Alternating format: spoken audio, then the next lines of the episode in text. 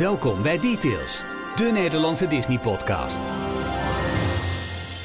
Ik ben bang dat als we niet uitkijken, dat misschien de hoofdtelefoon op ons hoofd smelt vanavond.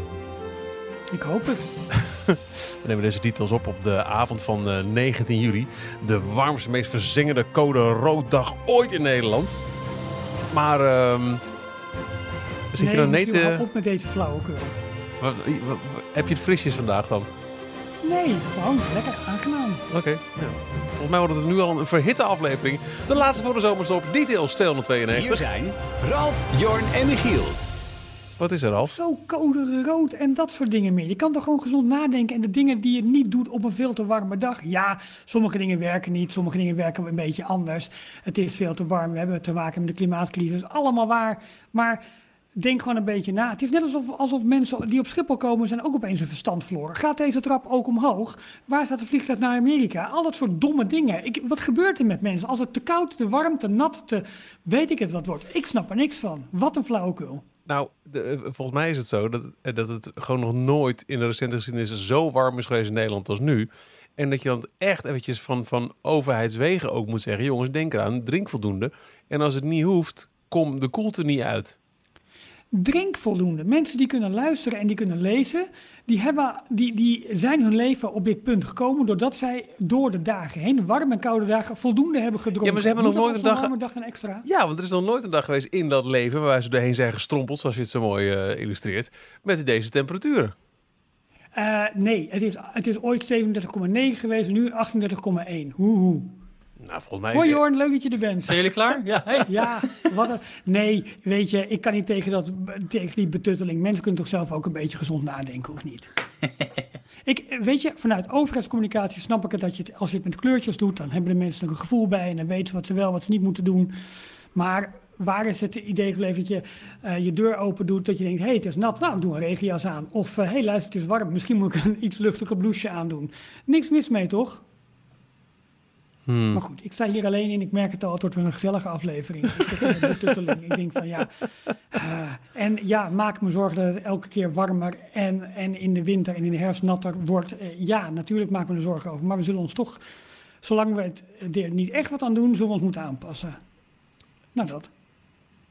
Hoe zou het zijn om, eh, want daar moeten we het ook maar over hebben, of kunnen we gelijk over hebben. Ik zag dat eh, in eh, Disneyland, dat ze eh, tuinslangen, of eh, brandweerslangen moet ik eigenlijk zeggen, gewoon in de Ja. perkjes hebben gelegd, gaatjes ingeprikt. En eh Mhm. tada, we hebben een, eh, een, een, een mister eh, sproeierachtig iets. Oh, zo ja. Oh, slim. Was goedkoper dan Ja. Splash Mountain. eh, Dat was de, de, de Ja. grootste attractie eh, vandaag. dat denk ik ook. Welke van de weinigen die het deed. Nou ja, er was een heel lijstje van attracties die inderdaad eh, gesloten is door, door de hitte. Omdat daar gewoon eh, personeel eh, op plekken staat die daar dan lang moeten blijven staan in de volle zon, want niet, niet verantwoord is.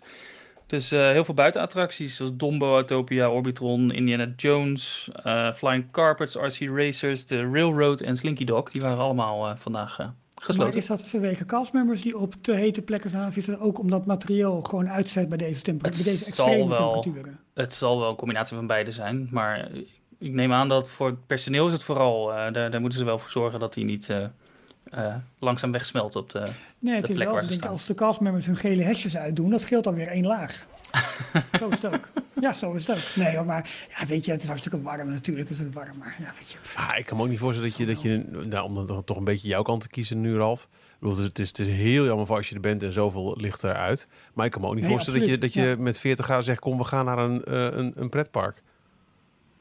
Eh, nee, precies. Dat zou ik ook niet doen. Aan de andere kant, vaak helemaal de tripjes naar de grotere parken zijn al maanden van tevoren Ja. gepland. En dan heb je het dus niet in de Mm. hand. En dat is gewoon wel, eh, ja, dat, dat, is wel, dat is wel zuur. Maar ik denk dat we ons toch, ja, we, we zullen ons toch moeten voorbereiden op de gevolgen van steeds extremer weer.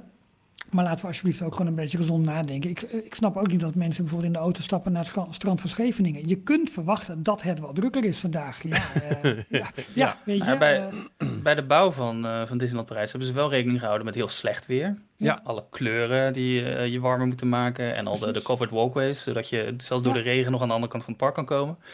Maar echt met hitte, extreme hitte, dat, eh, dat hebben ze in Parijs niet echt. Nee, Nou, dat- nog in Engeland, niet. In Engeland duurt het nu echt al, Nee. echt al twee weken of zo, hè, volgens mij. Ja, ook met, met zulke hoge temperaturen? Vandaag was dat toch ook wel een klinkt- Hoe doen ze klimaatbedrijf? het in Florida dan? Want daar kan wel altijd alles open. Maar dan heb je Of is dat die- die dezelfde- moessels. Is dat zo'nzelfde redenatie als, eh, ja, maar treinen met blaadjes in, eh, in Zweden... Ja, nou ja, misschien een, wel. eh, dik pak sneeuw wel gewoon door. Ja, ik, kijk, de- de- daar zal het ongetwijfeld wel. Ik weet niet precies hoe de klimaatverandering daar precies impact heeft hoor. Maar eh, ja, het is daar natuurlijk feitelijk. Helemaal gedurende de zomermaanden is het ook godverziekend warm. Of hoe zeg je dat? Alleen ja, je hebt. Ja, je- precies. Alleen je hebt natuurlijk wel elke middag heb je, heb je een, een half uur, een uur, soms twee uur heb je gewoon eh, harde regen. Ja. Maar ja, ook, ook daar. Maar dan zie je ook wel dat tijdens dat weer gaan de attracties dus wel dicht. Hè? Als er Ze hebben de, ja, en alle de- binnenattracties ze hebben daar airco. Dat is ook wel echt een dat eh, scheelt heel, uitkomst. ja, dat scheelt Ja, een hartstikke. hart ook, ja. Absoluut, Ja. absoluut. Ja. Goed. Maar goed, hé hey jongens, zomer in Nederland. Ja, heerlijk. en dat betekent ook dat, ehm, eh, nou, nee, bijna traditie getrouw, er een zomerstop van details komt. Gewoon puur vanwege de planning, dat er gewoon eh meerdere mensen niet zijn. Eh, dus dit is voorlopig eh, de laatste voor de komende weken, aflevering 292. Eh, we noemen dan ook met details de zomer in. Heerlijk. Welkom. Dit is de enige echte Nederlandstalige Disney-podcast. Je vindt ons op dstptails.nl, alle voorgaande afleveringen. Ehm, maar ook natuurlijk op de socials. Op Details.nl vind je ons op Twitter, Instagram, Facebook en Telegram. Mocht je denken, hé, hey, maar dat is leuk wat ze daar doen. Eh, dan kun je overwegen om ons te steunen. Dat doe je via de steun ons button op dstptails.nl. Dan word je officieel donateur. En eh, nou ja, eh, wel fijn met zo'n hittegolf. Ook een verkoelende golf aan nieuwe donateurs. Dat kun je wel zeggen, want we hadden natuurlijk vorige week onze aflevering waarin Jorn uitgebreid heeft verteld over zijn bezoek aan Avengers Campus. Pre-opening. Ja, en dan zie je toch wat een luisteraarsmagneet die jongen is. Ongelooflijk. Ja, ja, ja, als je Jordan in de titel zet, dan echt de kliks. Joe. Hoppatee. Ehm, nou, we heten hartelijk welkom aan Rick Middendorp, Vera Jol, Stephanie Kremers, Lars Schatteman, Frank Krijns, Axel en tot slot Andreas. Van harte welkom, eh, dames en heren, jongens en meisjes. En bedankt voor jullie steun. En eh, Welkom bij de club. dank voor jullie steun, absoluut. Ehm, nou, en sinds een aantal weken noemen wij ook de mensen op die ons al jarenlang steunen, de zogenaamde hardcore fans. En deze week nemen wij, nou eigenlijk nemen zij nog een keer eh, hun petje voor ons af, maar wij in dit geval ook voor hen. Eh, en de namen die daarbij horen zijn deze week Johan de Wit, Martin Meijer, Robert Berghoff, Frank van Binsbergen, Cynthia Wendrich, Floris en tot slot Carmen Ramos. Hartelijk dank voor jullie niet aflatende steun in deze warme tijden. Details nieuws. Voordat we gaan kijken naar eh, nou ja, de, de, de, de laatste voorbereiding voor de echte officiële opening van Adventure Campus, hebben we dingen gezien van eh annual pass holders. Wat komt er na Adventure Campus en andere verticaal gaan nieuws, bijvoorbeeld Amerikaanse parken. Eh, zoals te doen gebruikelijk in details. Wat is, is ons persoonlijke Disney nieuws van de afgelopen week? We beginnen met jou, Jorn. Ik, eh, ik ben afgelopen week naar de bioscoop geweest. Met Was, eh, met airco, ja, is hartstikke lekker, midden in de zomer. Ehm, ja, ik moest eh, eh, Thor nog kijken. Die Oh, was een ja. week ervoor al uitgekomen. Maar toen had ik spontaan een, een weekendje Disneyland Parijs op de planning staan. Dus Vervelend. was er nog even niet van gekomen. Maar ik ben afgelopen donderdag geweest. Thor Love and Thunder. De, even kijken, het vijfde deel. Oh. Nee, sorry, het eh, vierde deel in, eh, in de Thor franchise. Eh, tweede deel van eh, regisseur Taika Waititi, die het over heeft genomen van, met Thor Ragnarok. Waarbij hij dus een hele andere richting opgegaan is met, met de hele Thor karakterset. Veel meer de humoristische kant. En dat, dat hebben ze nu weer doorgezet in, in deze film. En ik lees hier en daar wat kritieken online dat mensen het iets te ver vinden gaan nu. Dat het iets te bizar wordt en iets te onrealistisch. Nou, onrealistisch is altijd een beetje bijzonder natuurlijk voor dit soort grote actie eh, sci-fi spektakels. Maar ik, ik begrijp wel waar dat vandaan komt. Het is... eh, t- oh, ja. ja. Jorn, de luisteraars willen weten, wat vond jij? Want ik, ik vind het leuk. luisteraarsmagneet en influencer, eh, dan zijn we toch benieuwd naar vooral jouw mening. Ja, ik vind het leuk, maar ik, ik kan het wel waarderen. Het is echt hele droge humor die erin zit. Ehm, soms inderdaad eh, een beetje over de top. Eh, zo krijgt hij ehm, Thor op, in deze film twee geiten. En die zijn alleen maar aan het schreeuwen. En die hoor je dan op de achtergrond continu... Dat dan, maar dan heel vaak en heel lang. En dat, eh, ja, dat, dat, dat moet je wel leuk vinden en dan moet je Ja. tegen kunnen. Ik las erover dat Taika Waititi zich had laten inspireren door die geiten. Vanwege die meme van een, nou, dat is ook al een jaar of tien Ja. geleden, Oh, terug van Taylor ja. Swift. I knew you were trouble when you walked in. En dan die geit die, eh, die het Ja, hele internet overnam. Dus Maar dat zou eh goed kunnen, ja. dankjewel Taylor, dankjewel geiten. Maar eh, hey, als al- film als geheel eh, leuk en een goede opvolger van Ragnarok? Of zeg je van, nou, moi. persoonlijk, maar ik heb hem nu pas één keer gezien. Misschien eh, stijgt hij iets in, eh, in, de, in het rijtje als ik hem vaker zie. Maar ik vind hem iets minder dan Ragnarok. Die, die vond ik toch net weer wat, eh, wat verfrissender en wat nieuwer. Ze Mhm. proberen nu wel iets vaker hetzelfde eh, trucje uit. Maar het verhaal zelf eh, is gewoon weer onderdeel van het grotere Marvel Cin- Cinematic Universe. Vooral dan nu op Thor gericht. Eh, Natalie Portman, ehm, Jane Foster heet ze in de... Ja, speelt, ik- ik- is haar karakter. Ja, ze maken Oké, ja. Nee, ze maken daar een geintje van. Eh, de ene keer is het eh, Jane Fonda en de andere keer is het Jodie Foster. oké. Maar het is dus Jane Foster. Die, eh, die komt weer terug. Die zat in de eerste twee delen van, van Thor. En daarna in deel drie, ja, daar, daar wilde ze niet aan meewerken. Of ik weet niet precies wat daar gebeurd is. Maar die wordt nu teruggehaald. En die, ehm, eh, die krijgt ook, is ook waardig genoeg om Mjolnir, de hamer van Thor, op te pakken. En Oh. daardoor wordt zij Mighty Thor. En dat is dan weer gebaseerd op een eh, eh, richting in de comics... waarin ze een paar jaar geleden ineens een vrouwelijke versie van, eh, van Thor hebben geïntroduceerd. En dat, ja, dat is het begin van een... Dat is het stukje Love, Love and Thunder. Het begin Ja, van een liefdesverhaal tussen, tussen Thor en, en Jane Foster. Oké, dus eh, ze heeft in Star Wars al met, eh, met Anakin eh, aangepakt. En, en nu met Thor, die Natalie Portman. Ja, Sorry. Lekker bezig. Wij zijn kansloos, hoor ik al. ja. Hey, eh, maar dat is voor mij niet het enige wat je gezien hebt afgelopen week. Want volgens mij Nee. was deze week ook de finale van Miss Marvel op Disney+. Plus. Klopt. Ja, ja heb ik ook eh, veel plezier naar gekeken. Het hele seizoen vond ik leuk. Ehm, ik weet niet, jullie hebben het volgens mij niet gezien, Nee. hè? Oh, Nee, nee, nog niet. Nee. Vooralsnog niet. Het is een, ehm, ja, moet ik het zeggen, een beetje meer tiener, high school-achtige serie. Vooral in het begin, de eerste paar afleveringen. Later zit er een, eh, een hele verhaallijn waarin ze naar, eh, naar Pakistan en India gaan. Ik heb sowieso veel meer door deze serie geleerd over ehm, de partition, het, het verdelen van India toen eh, de Britten daar vertrokken. Oh. waar Pakistan, Bangladesh en India uit ontstaan zijn. Mhm. Ehm, en die, in die tijd speelt het zich deels ook af, het verhaal. En de familie van eh, eh, Kamala Khan, het hoofdpersonage van, eh, van de serie, die ook Miss Marvel wordt. Die, ja, die, de hele familiegeschiedenis, die krijg je mee in de serie. En ehm, aan de hand van de familie en vrienden wordt haar karakter gevormd. Dus haar ehm, superheld, eh superhelden karakter, Miss Marvel. Ze krijgt van verschillende mensen krijgt ze allerlei onderdelen die samen het bekende Miss Marvel eh, vormen. En deze laatste aflevering, ja, daar kwam alles bij elkaar. En was ook, eh, was ook weer terug naar New Jersey, terug naar de high school waar de eerste afleveringen begonnen. En daar kon ze echt haar, eh, haar krachten die ze in de loop van de zes afleveringen heeft eh, leren kennen, kon ze echt eh, eh, tot uiting brengen. En dat, dat vond ik heel tof om te zien. En Ja. dit is ook meteen weer een introductie van een nieuwe held, eh, die straks ook eh, eh, in de eigen, eh, of in grotere films gaat spelen. Zo is ze eh, het eerstvolgende te zien in de Marvels, en dat is het tweede deel van Captain Marvel. Eh. Waar dus Brie Larson Captain Marvel in speelt. Kamala Khan komt weer terug. En ehm, Monica Rambeau, die we uit WandaVision eh Natuurlijk. hebben leren kennen, die daar ook eh, krachten kreeg. Dus een, eh, win- een women power flick. Ja, Ja, dat is ergens begin volgend jaar, als het goed is, eh, staat hij op de, Oh, oké, op de planning.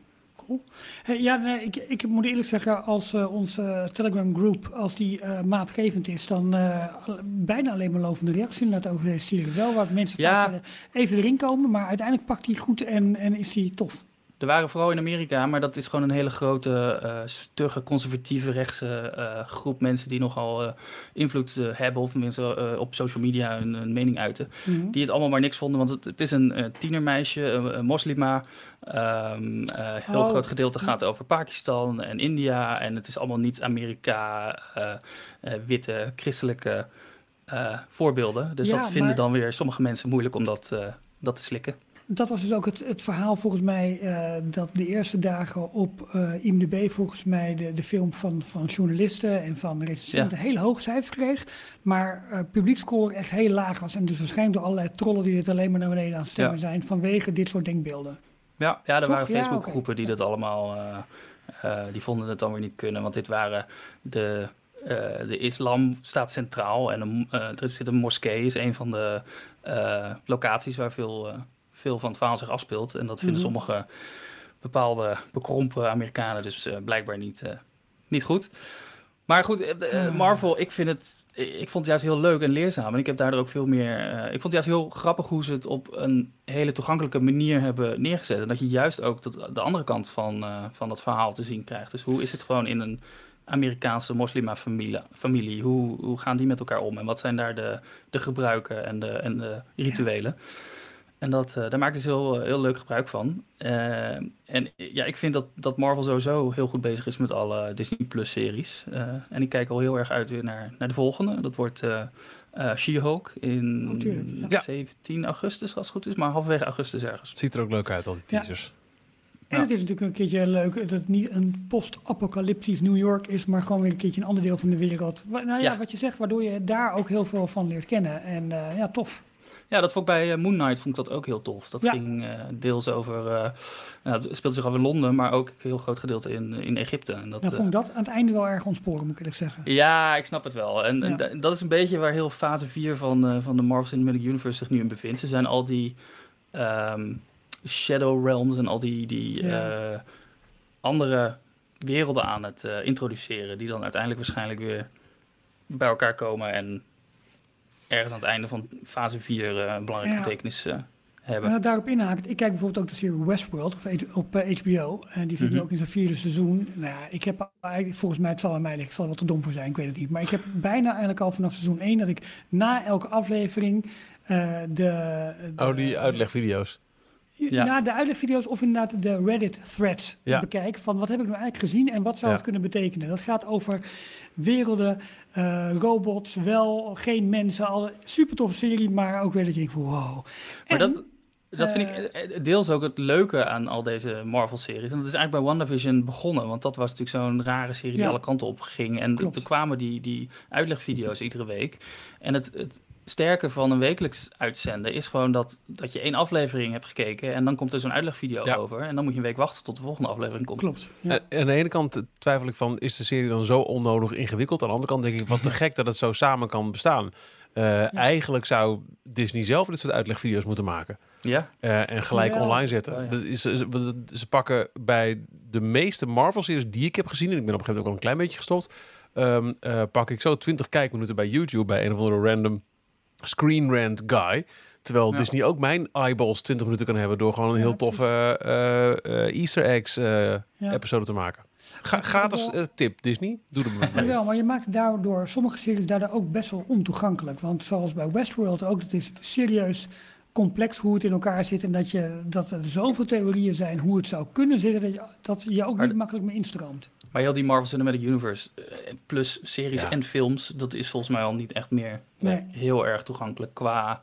Ze proberen het wel hoor, en je, eh, want dit is op zich losstaand ook best een, een aardige serie. Maar je mist gewoon heel veel van het overkoepelende verhaal. Ja. Ik heb trouwens van de week eh, ben ik even vreemd geweest met eh, DC Comics. En ik heb ehm eh, Suicide Squad gekeken. En dan de laatste versie. De laatste. Ja. Vond je ervan? Ik- ja, ik vond het geweldig. Ik vond het echt heel grappig. Ja, zwaar over de top en eh, Deadpool-achtig met te grof geweld en al dat Ja. soort dingen. Maar ik vond het wel heel grappig. Echt Dat is van, eh, van de regisseur van, dezelfde regisseur van eh, Guardians of the Galaxy films. leuk. En Taika Waititi speelt daar ook in, trouwens. In Suicide Squad? Oh. De Redcatcher is hij. Ah, Ja. Maar goed, oké, dat eh, terzijde. Eh Michiel, wat was jouw nieuws eh, van deze week in de Disney-sfeer? Nou, eh, waar wij vorige week uitgebreid zijn, he- hebben stilgestaan bij de opening van Avengers Campus. Die op het moment dat we opnemen morgen officieel is voor het, het, Mhm. het normale publiek. En we gaan zo nog eventjes kijken wat we deze week nog hebben gehoord. eh, sinds Joris bezoek en alle annual passholders. Wordt het nu tijd om verder te kijken. En dat doen we letterlijk. Hè, dat zullen we ook nog horen. Je ziet de, de bouwkranen staan voor het Frozen gebied. Maar wat komt er En er was eh, online wat eh, ophef. Eh, omdat de Franse tv een interview had afgenomen met uh, Natasja de, de baas van Disneyland Parijs. En zij stelde gewoon de vraag: het derde themagebied dat in 2018 werd, werd aangehaald tijdens de presentatie van de concept art. ehm, dat ging over Star Wars, maar dat wordt niet langer nog geroepen. Eh, eh, staat het nog steeds in de planning. En Natasja Rafalski zei daar eh, nou, licht mysterieus op. We werken nog steeds aan het derde thema. En we zullen hierover aankondigen als wij er daar klaar voor zijn. Een eh, vrije vertaling. Ehm, er heel veel mensen, zie je wel, gaat niet door, zie je wel. eh, Star Wars van de tafel, woehoe. Eh, en, nou, en ook andere mensen die zeggen onder andere... Nou jongens, eh, het laatste nieuws wat wij horen... eh, is dat het ehm, eh, Star Wars thema nu het eh, moet opnemen tegen een, een ander thema... eh, in, bij interne discussies. En dat ehm, eh, wel dit jaar wellicht eh, al een beslissing wordt genomen... om alles eh, voorbereidend in werk te zetten. Maar ehm, het, het, het zou... Nou ja, het, het kan alle kanten op, letterlijk dus. Volgens mij kan je goed horen hieraan dat eh Natasja mediatraining heeft gehad. Want Zeker. dit is echt zo'n politiek correct antwoord waar, waar eigenlijk geen ja en geen nee in zit. Yep. Ja, Nee, ja, het is zo. En, maar het is ook niet zo gek. Hè. Stel dat Star Wars wordt heroverwogen. Het is niet zo vreemd, want eh, op dit moment zijn er natuurlijk heel veel Disney Plus series die in het Star, eh, in het Star Wars universum, noem ik het dan maar eventjes, eh, spelen. Ehm, eh, als ze bij wijze van spreken volgend jaar gaan bouwen of naar Frozen pas gaan bouwen, dan wordt het pas opgeleverd aan het eind van dit decennium. Dan zitten we tien jaar na de oplevering van de oorspronkelijke Galaxy's Edge. Het is Ja. niet zo gek dat je dan gaat kijken, moeten we dit één op één neerzetten of moeten we hier iets anders eh, mee? Of moeten we het meer laten aansluiten bij, bij wijze van spreken, de Disney Plus series of misschien wel zometeen de nieuwe Star Wars films die eraan komen. weten wij Het nog is- even aan ik ons hoofd de oorspronkelijke planning toen dit concept art werd aangekondigd, dus los van corona, was het niet zo dat in 2020 al Avengers Campus open moest gaan? Eh, en uiteindelijk in 2004 of 25 het derde gebied, dus eh, toen eh, Star Wars. Nou, eh Avengers Campus heeft twee jaar vertraging opgelopen, weten we nu dus. Dus nou, laten we even gemaksval van uitgaan dat we alles geld, mits er nog niet nog een, eh, een eh, corona-golf overheen gaat. Ehm, dus die vertraging, dat is een, een, een absolute factor. Het zou best wel eens kunnen zijn, nu ik jou zo hoor praten, al dat het eh, inderdaad eh, eh, eh, bij allereerste instantie was het Star Wars. Toen kwam de vertraging en toch ook wel de wat, wat tegenvallende berichten over Galaxy's Edge in Amerika. Dus misschien, nou, misschien Ja. toch maar iets anders dan. Dus dat daar toen dat gerucht vandaan kwam. Oh, Star Wars van tafel. Maar wat je zegt, ja, inmiddels eh, Star Wars blijkt het gewoon heel goed te doen met, eh, met Obi-Wan Kenobi en de Mandalorian dat eraan komt. En dat het dus daarom wellicht een retour heeft gemaakt op de onderhandelingstafel. Wellicht, ja. En, en we weten ook hè, dat andere mogelijkheden die op tafel zouden liggen, dat weten we dus niet zeker, is bijvoorbeeld Avatar of is Cars. Eh, nou ja, Avatar krijgt natuurlijk nu ook vervolgfilms, dus dat zou be- misschien ook best nog wel eens kunnen zijn. Is nu ook Eh, volledig eh, eigendom van Disney. Terwijl Precies. het tijdens de bouw van eh, Pandora nog niet eh, Precies. eh, En, 100% in bezit was. en Cars lijkt me op zich logisch, maar is ook al best oud inmiddels, eh, Nou, maar wel heel populair. In California Adventure, ja, ik dacht Ja. 2006 uit mijn hoofd, ik weet niet helemaal zeker. 2006 was de eerste Cars film. Dat is vooral de merchandise, toch? Die, het, eh, die de hele franchise omhoog houdt. Ja, precies. Ehm, en ik denk dat je ook moet gaan kijken, wat, wat past er qua balans in? Hè? Want je hebt zometeen en Avengers Campus, wat, nou ja, eh, tiener, stoer. Ja. Toch, een, nou ja, eh, misschien overdrijf ik, maar misschien wel wat meer richting jongens eh, gaat. Mhm, mhm. Eh, Frozen de andere kant op, maar denk nog wel een leeftijdscategorie jonger. Ja, wat plaats je daar dan bij? Eh, het zou ook nog wel eens kunnen gaan eh, dat ze, dat ze eh, inspiratie gaan opdoen uit Fantasy Springs. En daar misschien elementen van pakken, want het past zeg maar qua, ehm, qua, qua, qua landscaping en scenery. lekker van die, van die termen Mhm, tussendoor. Misschien wel weer heel mooi naast Frozen, wie weet. Ja, maar dat vind ik toch wel... Zou ik een rare keuze vinden, hoor. Want ik, echt dat Fantasy Springs idee... Van, Mhm. Ja, het zit in Tokyo Disney Sea natuurlijk ook. eh, of in Tokyo ook in het, tweede Ja, park. past Maar dat niet, valt maar- veel meer... eh, of past veel meer in het Disneyland Park. Ja, dat nee, ben ik met je eens. hoor. Maar, eh, of of eh, Zootopia, ik zeg maar wat. Of geen idee. Ja, dat, dat zijn misschien ook nog wel gebieden waar ze, waar ze aan denken. En betekent deze vertraging trouwens ook dat we tot minimaal 2027, misschien nog later, moeten wachten voordat we überhaupt iets nieuws in het Disneyland Park Mhm. Nou, ik, Krijgen. ja, ik, ik vrees van wel. Ik hoop het niet, maar ik vrees van wel. Ja. Ja, dat is, eh, ja, maar goed, we, ehm, ja, ik denk dat het dus niet zo stellig is dat het per se van tafel is, maar dat er over gesproken wordt of het in een vorm moet komen of dat er inderdaad heel wat anders komt. Het Ja. is uh, koffiedik kijken. Horen we in september meer? Ik denk Eh, het wel. Die 23 bedoel je? Ja, Ja. Dat, maar het, het Een van deze geruchten eh, die zich had gemeld... naar aanleiding van de discussie zei dat het, het schooljaar... dat dat een markering zou zijn voor wanneer ze de knoop zouden doorhakken. Begin van het nieuwe Oh, ja. schooljaar. Dat zou kunnen samenvallen met een aankondiging op D23. Ehm, wel even grappig nog, eh, en dan eh, gaan we naar jouw uh, Ralf. Maar ineens eh schiet me dat er binnen nu je zegt van, ja, dat het wellicht nog heel lang duurt voordat iets nieuws wordt aangekondigd voor Disneyland Park. Ehm, we zijn inmiddels in het bezit, dankjewel boodschappenjongen Jorn, van het prachtige boek The Art of Disneyland Paris. En daar stond iets in wat, wat mij betreft volledig langs het geruchtencircuit is, is gegaan. Dat ze voor Disneyland Park een Pirates stunt show hebben overwogen. Ja, Eh, met boten en zo, alles erop en Ja. eraan. Concept art laat heel duidelijk zien, eigenlijk achter eh, Adventure Isle. Je ziet ook eh, heel goed eh, op het concept art hoe het ligt ten opzichte van het huidige Pirates eh, gebouw en, eh, en eh, Skull Rock. Dat ze allemaal in eh, eh, eh, gewoon blijven staan. Maar daarachter zou een, heel, een hele ja, eh, marina arena komen voor een Pirates stunt show. Nou, dat is dus niet doorgegaan. Delen ervan zijn wel naar een, een stunt show naar in Shanghai gegaan. Maar ik had helemaal gemist dat dat een gerucht is geweest voor Disneyland Park. Maar wanneer niet. speelde dat? Bij de totstandkoming van het park of daarna pas? Nee, nee, nee. nee. eh, het 2006 Daarna. of 7 stond erbij oh, volgens mij. serieus? Ja. Oh, joh. Oh, Je kan het boek er even bij pakken, er ligt een kamer hiernaast. Maar het was echt eh, v- vrij, vrij ja, relatief recent dat ze Ja. dat hebben overwogen. Hmm. Waarschijnlijk toen de, de Ja. Pirates films gewoon heel goed deden, dat ze daarop ik- eh, wilden, oh ja. wilden inspringen. Maar Ja, ja, nogmaals, ik wij volgen al best lang de Disney Company met, met, met details daarvoor D-log en d.web-log.nl, wat ik van nee. Ja. Maar City eh, Cities slash D-log. ja, ja, ja, zeker. Dat was ook heel mooi. eh, dds.nl slash dlog. Maar eh, dat is Tilde. Maar dat is de- toen volledig langs was heen gegaan. De, de, de, de, Ja, deze niet gehaald. Dus het sowieso een mooi boek. Nou goed, dus dat. Absoluut. hey, Ja. Ralf, heb jij nog nieuws? Ja, een berichtje eigenlijk van vorige week. Misschien is het een, een misschien is het meer wishful thinking dan dat het echt zo is. Maar er gingen wat geluiden dat eh, bij een eventuele overhaul van Tomorrowland en Disneyland de People Mover misschien wel eens terug zou kunnen komen. Disneyland is not a museum.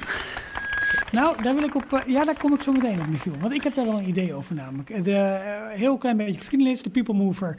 Eh, onderdeel van, van het oude Tomorrowland in Disneyland. Eh, dat stond uit tot 1995. Toen is het op een gegeven moment op schop gegaan. Eh, Er was een groot plan als onderdeel van de Disney Decade onder Michael Eisner. om Tomorrowland eigenlijk meer onder een. eh, ja, eh, ja, de nieuwe eeuw in te brengen. Ehm, onder de, de projectnaam of de titel eh, Tomorrowland 2055. Ehm, nou, mede door alle problemen in Parijs en de budget eh, perikelen zeg maar, die dat tot gevolg had, kon dat niet allemaal doorgaan. Sommige dingen wel. Eh, waaronder de Rocket Watch. Dat was eigenlijk een, eh, een, een soort. Ja, het moest de thrill ride van het nieuwe gebied worden. Het waren, eh, ik denk, vier of vijf zitters. Een soort, soort, soort grote wagens. eh futuristisch, een beetje steampunk-achtig. Beetje drag race. eh, Een beetje drag, dat is een goede, ja, maar dan helemaal in steampunk eh, thema die over de, eh, de baan eigenlijk van de People Mover zouden rijden. Nou, dat, heeft eh, met, met onderbrekingen heeft het in twee periodes zeg maar ge- gedraaid. Eén keer één tot twee maanden lang en de andere keer nog, nog anderhalf jaar lang ongeveer. Maar ze merkten eigenlijk dat die attractie te snel was neergezet. Onder andere Tony Baxter heeft daar eh, volop aan eh, meegewerkt. Ja, dat, ze hebben, ehm, ze ja, hebben het echt op de fundering van, het, eh, van de oude People Mover geplaatst. waarbij ze dus niet de, de track hebben aangepast. En de, het idee van de attractie was dat ze heel, de, de voertuigen heel snel zouden versnellen. Maar als je dan vervolgens bij een bocht aankomt. Normaal gesproken bij een achtbaan is een bocht gebankt. Die, die is Ja. schuin geplaatst, zodat je de G-krachten eh, beter verdeelt. Dat hebben ze niet gedaan, omdat ze het op de bestaande People Mover eh, baan hebben eh, aangebracht. Waardoor de voertuigen iedere keer bij een bocht moesten afremmen. Ja. En zo kreeg je dus een heel erg, nou ja, niet heel erg spannend, maar vooral een heel erg misselijkmakend ritje hoog boven Tomorrowland. En dat, dat is een van de redenen dat, het, dat de attractie niet zo'n heel lang leven heeft eh, gehad. Nee, uiteindelijk is ook eh, in in 2000 eh, halverwege gezegd, nee jongens, het gaat dicht voor, voor verbouwing. Het gaat in september weer open, maar het is vervolgens nooit meer open gegaan. En eh, ja, er, wordt, er is nu sprake van dat, dit, dat die People Move misschien wel eens onderdeel zou kunnen worden van weer een nieuwe versie van Tomorrowland. Er is trouwens wel geruchten ook over de Buzz Lightyear overmake van Space Mountain. Hè? Precies zoals eh, we ver- verteld hadden Ja, tijdens de ja. bioscoop-uitzending, zeg maar. Ehm, maar goed, ja, ik zie dat natuurlijk wel zitten. Eh, als inderdaad Disneyland is een museum, uh, in uh, deels. maar ik, ik zie het wel zitten. En ik zou, ik zou bijvoorbeeld heel tof vinden als we een vorm van een people mover hebben. Dit keer met een of het nou uh, eh, AR-goggle is of een, of een glas die dat weergeeft. Maar ik zou het heel tof vinden als je bij wijze van spreken in de People Mover kunt kiezen voor een blik in de toekomst of voor een blik in het verleden. En als jij dus door Tomorrowland heen rijdt, dat je kunt zien wat er voor dat gebied gepland staat, bij wijze van spreken. Misschien wel verder de toekomst in. Of dat je terug kan kijken hoe het gebied was gedurende de jaren 60, jaren 70.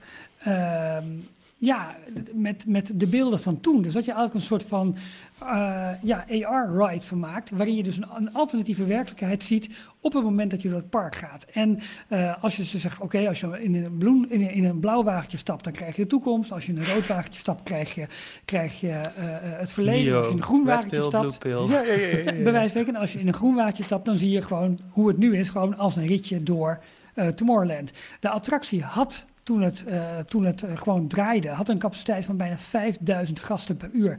Echt een menseneter. Ja, omdat het gewoon een, een, constante rups is als het ware, die uh, over die, die baan loopt. Ja, dus ik denk dat je zo'n attractie heel goed zou kunnen gebruiken. Maar ja, op deze manier lijkt het me fantastisch. Wat is dan de aantrekkingskracht, Ralf? Van de attractie. Want het is uh, feitelijk, people mover is letterlijk uh, wat het woord zegt, het beweegt mensen. Het is gewoon een, een, het is eigenlijk ontworpen als een uh, ritssysteem wat ze konden verkopen. Walt Disney, of Wet Enterprises, Walt ja. Walter Elias Disney mm -hmm. Enterprises, het voormalige Imagineering, ja. wilde dit systeem verkopen aan vliegvelden, winkelcentra, steden die bezig waren met infrastructuur aan te leggen. Mm -hmm. Is, uh, geloof ik, op één of twee plekken ook gebeurd. Er zijn een aantal uh, vliegvelden waar een soortgelijk uh, ja. systeem is geïntroduceerd, wat ook echt geleverd is door, door WET. Ja. Het was natuurlijk een belangrijk onderdeel van de plannen voor Epcot, Epcot zoals ja. het ooit in Florida zeg maar, ja. zou, zou, ja, zou moeten ontstaan. Maar was het niet, dan niet meer een veredeld prototype wat in Tomorrowland nou, kijk, geplaatst is? Zo, sowieso, de, de versies in Disneyland en Disney World verschillen bijvoorbeeld qua, qua aandrijfsystemen al. Maar wat, ik er, wat het voor mij aantrekkelijk maakt, is inderdaad dat het een uh, het product is van een toekomstvisie die mij heel erg aanspreekt. Uh, het heeft de historie met, met Bob Gurr natuurlijk, hè, als de, ja. de, de, de voertuigenman van Disney. En het is ook een heel welkom rustmoment op je Disneydag, waardoor je gewoon gaat zitten. Je hebt een fantastisch uitzicht over het park, de attracties, de mensen. Um, ja, het is gewoon echt een ontspannen ding. Het heeft de eh, banden met het verleden. Het is een, een, een uh, wat mij betreft nog steeds een transportsysteem. Wat denk ik een heleboel, in een heleboel behoeften kan voorzien. Omdat het zo ontzettend makkelijk is en overzichtelijk is en volle capaciteit heeft. Uh, ja, het zal misschien de hang naar het verleden zijn. Aan de andere kant, uh, ja, toen, toen ik zeg maar uh, geboren werd, toen was dit soort systemen bij wijze van spreken al verouderd. Dus mm. wat dat mm. betreft. Hè, dus het is, het is misschien een nostalgie die ik ooit had willen meemaken. En, maar wel een heel belangrijk onderdeel van Walt Disney Company, van, van WET, van Imagineering. Dit soort transportsystemen als een grotere visie in het geheel van de compagnie. Dus kunnen er ook een, een Wally-thema aangeven? Oh. Ja, de Axiom aan het einde. Ja. ja. maar iedereen een persoonlijke uh, vehicle. Ik wil niet gelijk uh, de partypoepen zijn. Heb je ook gehoord in de, uh, de Disney Dish alle argumenten om niet te geloven dat dit gerucht klopt? ja, onder andere dat, dat volgens mij de, de, de staat van het hele onderstel van de, van, van, ja, van de track zeg maar, is dusdanig dat het misschien wel helemaal afgebroken moet worden en gewoon opnieuw gebouwd moet worden. Ja, weet ik. Ik ga er even aan voorbij, want omdat ik het heel graag zo'n vorm terug zou willen zien. En dan met name als een blik naar het verleden, de toekomst en het heden. Omdat dat volgens mij ook Tomorrowland uh, um, representeert. Het mooiste ook aan de versie in Anaheim, ter eh, vergelijking met degene in, uh, in Orlando. In Orlando ga je de attracties in, maar blijf je mm -hmm. vooral rond in en rond Tomorrowland. Maar in Anaheim ga je ook heel erg die spaghetti van monorail, ja. uh, People ja. Mover en Submarines Klopt, in. Ja. Die in het, boven de Matterhorn, zeg maar. ja, ligt. Ja, dat ja, is, maakt het wel echt heel leuk. Ja, voor de kinetics van het land is het fantastisch. Ja. Maar als, als het verhaal klopt dat uh, de, de supports echt dusdanig uh, beschadigd zijn door de rocket rods, omdat gewoon uh, nou ja, dat beton kon het niet hebben, al het geweld wat er ineens werd losgelaten met G-krachten dan vraag ik me af of de Disney Company, inderdaad uh, de JPEG Disney Company, of, de, of die geld investeren. Uh, en het zal echt in de miljoenen gelopen om het hele supportsysteem uh, leeg te halen. Ja, los van alle werkzaamheden in het, in het parkdeel. Precies. Voor zo'n toch ja, niet echt een En e-ticket. het is natuurlijk ook gewoon een structuur die, die nu zeg maar al 22 jaar ongebruikt is. Hè? Dus dat, Ook moet nog. ook, dat heeft ook onderhoud nodig. Maar, Het is ja, ook eh, nog maar de vraag hoe lang dat hele gebied van eh, de submarines eh, überhaupt blijft zoals het nu is. Want eh, Tony Baxter heeft het al een paar keer aangegeven. Dat is een heel erg gewild stukje Ja. Real estate binnen Disneyland. Het is een heel groot oppervlakte waar nu eigenlijk helemaal niet zo heel veel mee gedaan wordt. Ja, snap Dus voor de wel. toekomstige uitbreidingsplannen van Laat mij Disneyland dromen. is Ik dat... eh, ik voel me Ja, ja, Ja, nee, zeker. Ja, Ja, ja, is ook zo. Is ook zo. Is ook zo. Ja. Ehm, laten wij eerst nog eventjes deze erbij pakken. Details nieuws. Voordat we de parken induiken. Ehm, de grootste, ehm, de, de, de slechtste zakelijke beslissing uit de carrière van Bob Iger. Oh. Wat denken jullie? Ja, Is dat? Ehm, ja. oké, geef de opties. Ehm Eén. Ehm, nou ja, Bob JPEG. Of twee, of drie. Ja, heftig verhaal weer. Eh, Business Insider. Die kwam eh, van de week eh, naar buiten met een bericht... eh, waarin ze in een uh, uitgebreid artikel beweren... dat eh, Bob Iger eh, nu zou hebben gezegd... dat het aanstellen van Bob Chapek als de nieuwe CEO... zeker in combinatie met de coronacrisis die toen uitbrak... zijn slechtste zakelijke beslissing uit zijn carrière is. Ouch! Ja. Ja. Eh, kijk, het hele, die hele, het hele afscheid van Bob Iger was natuurlijk rommelig. Dat werd maar uitgesteld, werd maar gedaan. Daar werden mensen eh, voorgesteld, of in ieder geval, hè, daar werd verwacht van die zouden het wel eens kunnen zijn. Eh, Jay Rasulo, Tom Stacks waren allemaal de, de, de gedroomde opvolgers. Dat gebeurde allemaal niet. Wie is Tom Sterks? Die heeft ooit wel eens op een foto gestaan, maar die is nergens meer terug te vinden inmiddels. Nee, hè, die, is, die is echt verdwenen, hè? Die hebben ze gefoto eruit gefotoshopt, ja. Ja, eh, de bouwfoto van eh, Avatar. Ja, precies. Met die hele grote scheppen, toch? Ja. Ja, precies. En, ehm, eh, maar kijk, komt dat dat die mensen van het toneel zijn verdwenen doordat Bob Iger toch nog maar verlengde, toch nog maar verlengde, toch nog maar verlengde? Of omdat Bob Iger misschien toch zijn twijfels had over, eh, over deze man. Uiteindelijk is, is het verhaal van Business Insider ook zo dat ehm, eh, Bob Iger met name heeft gepusht om juist JPEG sneller naar voren te schuiven of hem eigenlijk meer verantwoordelijkheid te geven. Terwijl eh, de Board of Directors, dus de raad van bestuur, eigenlijk heeft gezegd van nou, we zullen hem eerst als operationeel directeur willen, willen zien. Want het verhaal was dat Bob Iger zich meer op de creatieve, eh, hoe hij het noemt, zeg maar de contentkant van het verhaal wilde, wi- ja, zich wilde ehm, eh, ehm, specialiseren, focussen. En dat eh, Bob Chapek dan bij wijze van spreken echt puur de zakelijke kant, gewoon de harde, het, harde, het harde zakelijke deel van de, van de operatie zou moeten leiden. En uiteindelijk heeft, heeft Bob Iger er toch, zo doet het verhaal vermoeden, eh, voor gezorgd dat Bob Chapek eerder meer verantwoordelijkheden krijgt en dus aan, aan, aan de top van het bedrijf kwam te staan. En toen kwam twee maanden later of een maand later eh, kwam, kwam corona om de hoek kijken, waardoor Bob Iger toch nog langer aanbleef om hem als het ware bij de hand te nemen en hem in te leiden in de wereld van eh, ja, het grote mensen zaken doen. Ja.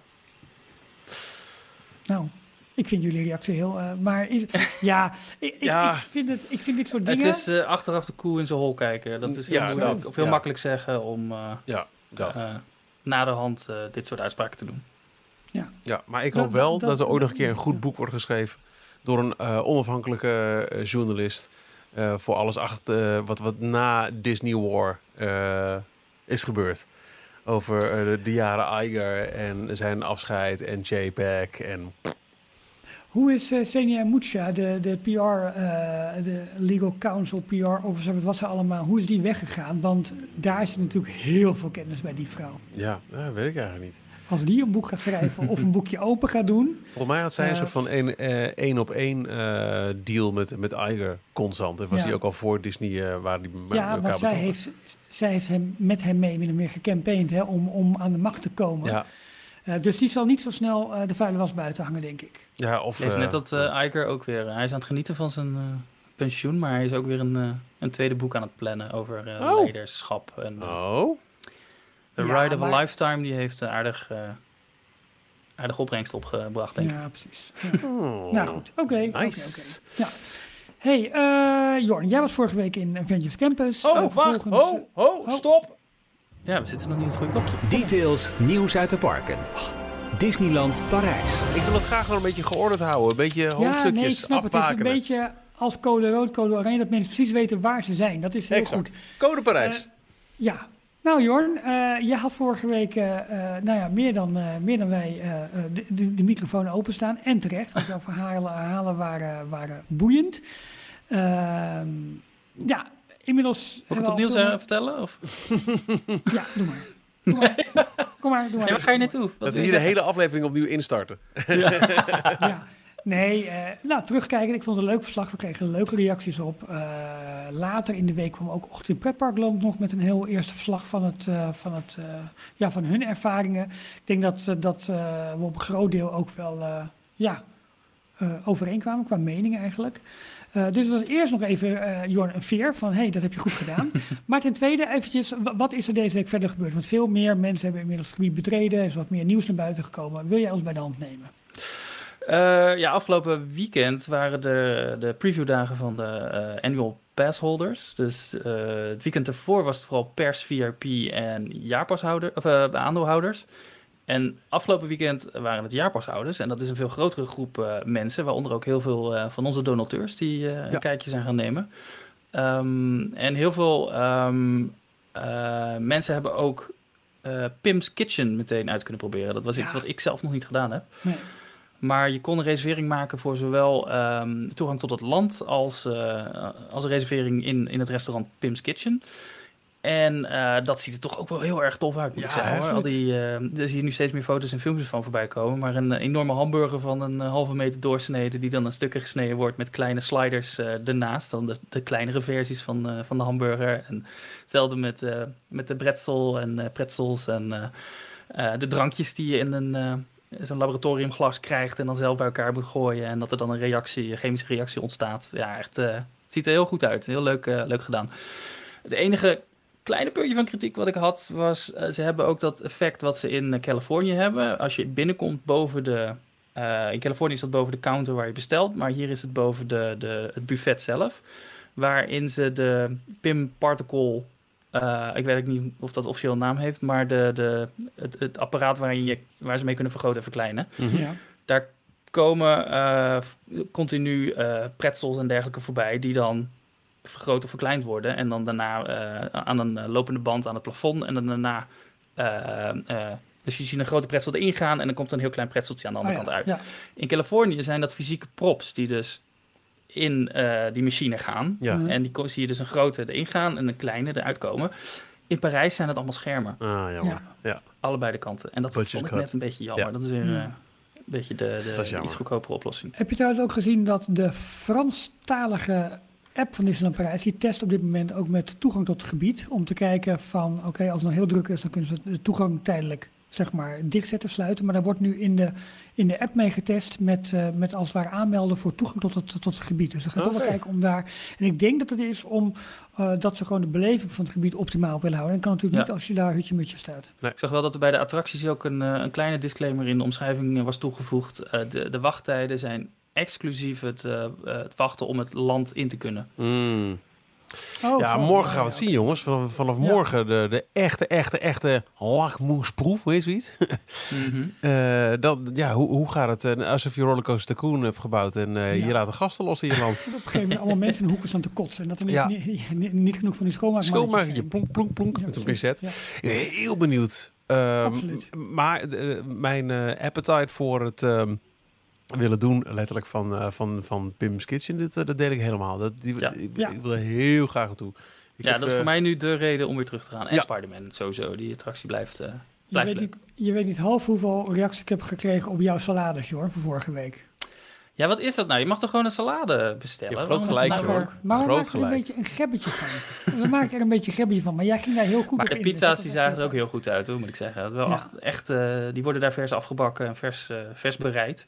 Ja. Dus dat, eh, en dat zag je ook wel. Het zijn niet de standaard eh diepvriespizza's die ze in andere Nee, locaties goed. verkopen. Ja, Ja. leuk. Top. Goed. Ik zal je niet Ehm, zelf shamen, Jorn. Eh, verder zien we dat eh, ook eh George DeMaro inmiddels in Parijs is voor de officiële opening. nou ja, als we het moment dat wij het opnemen morgen. Waarschijnlijk als je dit hoort, eh, is het net open. Want 20 juli Je gaat is met een de eh, datum. notitieblokje naast de ingang staan en dan eh Ja, turven turf, turf. En, ja, Ik denk het wel, ja. en mensen wat vragen stellen waarschijnlijk. Dat Nee, die ik man weet niet door een een of ander zonnebrandmerk of Colgate wordt gesponsord. ja, dat, dat, moet Disney toch met vol... Josh Tamaro is proudly present by Colgate. Hij heeft toch het, echt het ultieme... Ralf gaat verticaal. Oh, Wat is dat? Je gaat Maar wel een echte ultieme Disney eh, eh, uiterlijk hoor. Ja, toch? Absoluut. Samen met, Ja. eh, hoe heet die vorige, die... eh, Ja. het Colgate gebit. Smile. Colgate. Hoe heet hij? De vorige baas van, eh één van de vorige, nog voor Catherine Powell. Ja, Even. Philip Gas. De Oh, gas, Philip ja. Gas. Ja, ja, Gas. ja, ja. Top, dankjewel. ja. Goed, ja, maar... Hey, hoorde, ik, hoorde ik daar mijn cue? Ja, volgens mij wel. Want we, we- we kunnen eh, vanuit het nieuwe Adventure Campus eh, ook eh, wat, wat verder kijken richting eh, aan de andere kant van die schutting. Ja, en ik had al gezegd dat we voor de zomer nog een keertje verticaal zouden gaan. En kijk, de eerlijkheid gebied te zeggen. Ik ben een beetje jaloers natuurlijk op onze buren van Universal in eh, Walt Disney World. Want als je nou echt een gebied hebt waar je volop over uit kan wijden en heel, helemaal gek van kan worden, is het de bouw van Epic Universe. Dus eh, hierbij een open uitnodiging eh, aan de jongens van de Upper Lot of ik daar een keertje aan mag schuiven. Want wat daar gebeurt en in welk tempo met name, Ah, dat is niet normaal. Echt heel tof. Maar goed, daar zullen we het nu niet over hebben. ehm, want eh, ja, stiekem is, is Disney in Magic Kingdom natuurlijk aan het bouwen aan... eh, ik ga zo meteen ervan kijken. Ik ga eerst even, eerst Ja, even. Orlando doen. oké. Ja, we gaan even... Hallo Orlando. Gaan jullie ook verticaal? Yes, we are. Ehm, nou, in ieder geval. want in... in Dit is in- Orlando Mayor Bobby Bayer. Wauw. Hoe heet hij? eh, Eh, in ieder in de geval... people mover ehm, op het vliegveld hoor je die. ja, is dat zo? Ja, heb je nooit gehoord? Als je in dat stukje, de, de, die, ja, wel, eh, jawel, jawel. Maar ik stukje monorail dat, van eh, de terminals naar de, de, de Ja. hoofdterminal toe. Oké, ja. En dan de geur van dat tapijt daar op die luchthaven. Ja. Heerlijk, helemaal goed. In ieder geval, in het Magic Kingdom wordt hard gebouwd aan Tron. En eh, de afgelopen nou, ja, maanden, weken vooral, zie je daar echt een enorme versnelling ontstaan. Het lijkt, ja, Walt Disney Company lijkt er echt alles aan te doen om dit toch voor het einde van het jaar opgeleverd te krijgen en, en up and running te hebben. En eh, nou, vanuit die People Move, waar we het eigenlijk net over hadden, maar dan de, de Walt Disney World eh, versie, eh, worden er eigenlijk wekelijks eh, goede beelden gemaakt over met name de, de paden die, die nu geconstrueerd worden, die moeten leiden tot de ingang van de attractie. Zoals veel mensen misschien weten, is de ingang van de attractie verhoogd, zeg maar op de eerste of de tweede verdieping. Maar om daar te komen is een ja, volledig betonnen pad, een, een hele voorzichtige ramp eigenlijk, hè, dus zo'n langzame helling, die helemaal slingerend onder die overkapping van die attractie eh, heen gaat. eh, die, eh, ja, die, die, die, die eh, slingert dus naar de entree toe. Daar worden nu speakers gemonteerd, daar worden lampen gemonteerd. Kortom, het gaat echt best heel erg hard. We hebben eerder al gezien dat de tunnel voor, waar de trein doorheen rijdt, die onder de hele attractie doorgaat, dat die meer en meer wordt afgeschermd van... ehm, eh, van het looppad, zeg maar, waar, waar de bezoekers eh, eh, ja, de attractie op gaan betreden. Daaronder loopt weer een pad, wat volgens mij de uitvoerder zeg maar, is hè, van de mensen. Dus de mensen die hebben gereden, komen daar weer Tomorrowland in terug. Ehm, en dat weet ik niet, maar misschien weten jullie dat. omdat ik ook, ik heb even gekeken naar recente luchtfoto's, maar die zijn er natuurlijk niet zo gek veel van het Magic Kingdom. Ik weet dus niet of de, het pad zeg maar nog steeds er is of blijft bestaan vanuit zeg maar, Storybook Circus richting Tomorrowland. Dat was het pad waar je eh, vrij rustig zeg maar, kon lopen tot één keer, in de, één keer in de tien minuten die trein voorbij kwam. Maar er was bijvoorbeeld ook een rookplek, dat liep achterlangs bij, bij de Tomorrowland Speedway. Maar ik weet dus niet of daar nog steeds ruimte voor is. Volgens mij is daar bijna geen ruimte meer voor nu. Er stonden wel Maar- bouwhekken, constructiehekken. ja, Met eh, eh, de aankondiging dat Tron eraan kwam. Wat ik al een beetje Ja. raar vond, want het was in het Fantasyland eh, gebied. klopt. Ja. Maar je kon daar wel heel duidelijk natuurlijk de, de bouw van... eh, Ik denk van dat er weinig ruimte is en dat die ruimte nu met name gebruikt wordt voor de, de uitgang eigenlijk van Tron. Dus dat echt de, de, oh ja. dat je er dus niet vanuit Storybook Circus eh, bij kan. Nou, er zijn nu ook bijvoorbeeld deze week zijn er wat, wat vergunningen weer vrijgekomen voor eh, de grote merchandise shop in Tomorrowland. Daar moeten namelijk ook wat aanpassingen gedaan worden om zometeen een makkelijke doorloop, want de mensen zullen links van de merchandise shop de het attractiegebied gaan, eh, gaan, eh, gaan betreden. Ehm, ja, dus, dus kortom, daar gebeurt op dit moment zo ontzettend veel. Het gaat zo hard. Aan de aankleding, maar met name nu nog de betonnen constructies. Maar je weet gewoon op het moment dat dat klaar is en dat het aangekleed gaat, worden, dan, dan gaat het gewoon heel hard. Hè, de, de baan is al in testfase. eh, de verlichting wordt al ge- getest van die, van die mooie neonverlichting onder die overkapping. Het ziet er fantastisch spectaculair uit. En ik ben heel erg benieuwd wat dit ook zo meteen dus gaat doen met, met Space Mountain. Want ik denk dat iedereen massaal naar deze attractie gaat, eh, gaat trekken. Ehm, wat dan wel interessant is, eh, Jim Schull, oud-miljonair, die, die tweette van de week eh, dat hij verwacht dat met name de, de eh, lichaamsomvang van Amerikanen ervoor gaat zorgen dat het lastiger wordt voor mensen om in, de attractie in te stappen. Eh, de, de attractie is zo dat je dus, ja, je stapt op op een motor, maar om op te stappen kan één iemand gelijk instappen. De ander moet op een soort tussenplatformpje, moet hij tussen de, tussen de verschillende wagens of, of motorfietsen eigenlijk door, moet hij naar de andere kant lopen om daar op, op de motorfiets te stappen. En het lijkt erop dat als de setup exact hetzelfde is als in Shanghai, dat die doorgang misschien wel eens te nauw of te, dat dat voor vertraging gaat zorgen of hè, dat dat wel eens een ding kan zijn. Maar nogmaals, ik neem aan dat ze hier wel rekening mee hebben gehouden, dan wel Maar hebben is kunnen dan- houden.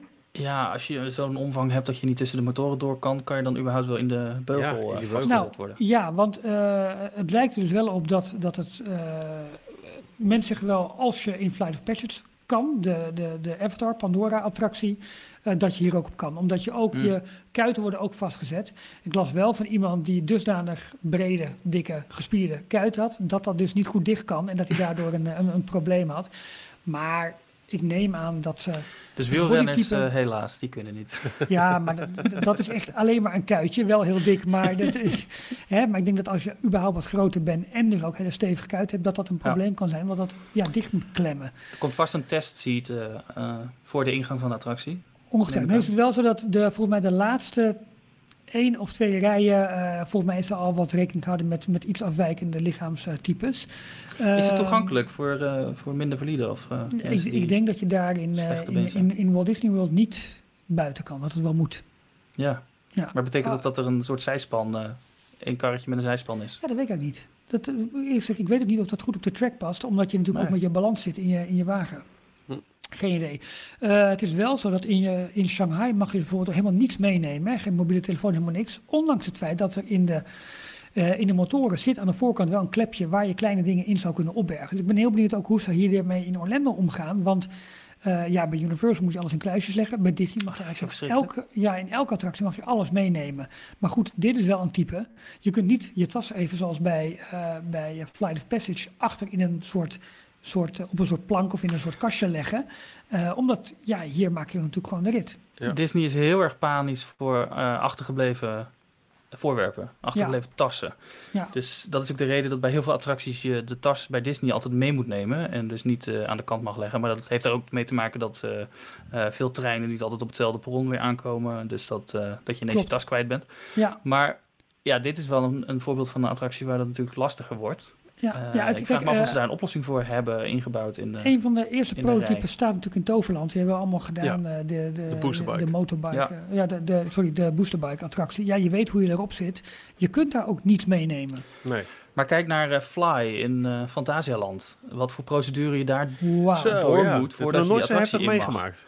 Ja, alles achterlaten door een de- metaaldetectiepoortje. Eh, handmatig wordt er dan nog even gecontroleerd of je echt geen eh, losse Ja. muntjes en sleutels in je, in je zak Bril, hebt. echt eh, niks mag mee. Niks mocht Nee. mee. Alles moest Nee, in een nee, kluisje nee. achtergelaten worden. En, eh, en daar zit ook weer een hele, hele eh, ja, procedure en allerlei protocollen aan vast. Ook weer om mensen dan aan de andere kant, als ze uitgestapt zijn, weer bij het juiste kluisje. ja, want je eh, krijgt een soort magic band mee voor jouw kluisje. Dus je Ja. hebt altijd het goede kluisje te pakken. Maar ja, Ik ben benieuwd of Disney dat soort, Ja, zo'n soort systeem ook heeft. ik denk dat ze daar heel erg voor terugdeinzen. Maar ja, ze, ze moeten wel hier, ze moeten hier eens wat mee doen. Maar goed, in Shanghai mag je dus niks meenemen. Maar andere cultuur dan in de Disney Park in Amerika. Logistiek wel een uitdaging hoor. Absoluut. Absoluut. Ik vond dat bij eh, inderdaad Universal Rip Ride Rocket vond, eh, vond ik dat al eh, best wel heftig. Daar moet je ook door een eh, metaaldetectiepoortje en daar Klopt. zijn ze net zo streng. En dat komt omdat het de attractie boven eh, gebied komt waar normale mensen kunnen, normale Ja. bezoekers lopen. Dus daar willen ze echt uit voorzorg gewoon niks in je zak mee laten nemen. Ja, ik ben volgens mij ook de enige bezoeker die die rit best wel leuk vindt. Oh, ik vond hem ook wel leuk, maar, Maar hij, hij, hij is is heftiger dan die eruit ziet. En hij staat natuurlijk potsierlijk in dat, eh, in dat En dat vind ik het, Ja. het lelijkste. Ja. Ik heb hem Maar nog gedaan, geen idee. Zullen wij even naar Parijs gaan? Ja. De stand van zaken bij Frozen. Als ik eh, zo ineens een post zie dat er al twee hijskranen staan... en dan wordt er echt hoog tijd voor een verticaal gaan update over Parijs. Ja, alleen het probleem is, het gaat nog niet echt verticaal. Oh, Ja, nou, dat Dus, is eh, voor werkzaamheden bevroren. ja de- nee, nee, nee. Ik wat heb gaat in de het ijskast gelegd, mensen. Nee. Ja, ja. Ja, ja, ja, nee, luister. Eh, in mei hebben we foto's gezien van de fundering die werd gestort van het showgebouw. Alle werkzaamheden, zeg maar, voor... eh, je moet zo zien, je hebt zo meteen, als je vanuit Studio 1 komt, zo meteen aan het eind van die promenade wat daar gaat komen, heb je een heel groot meer. Eh, dan ligt, zeg maar, ietsje links van het midden, ligt zo meteen het hele showgebouw en ligt het dorpje van Arendelle met de winkeltjes, restaurantje, merchandise, pleintje, het kleine haventje.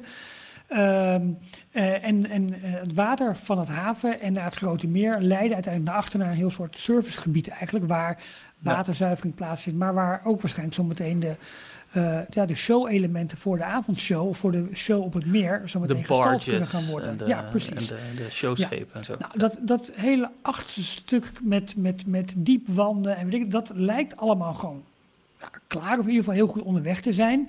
Eh, je ziet ook al het, al het betonwerk voor eh, de haven zometeen, voor het frozen gebied.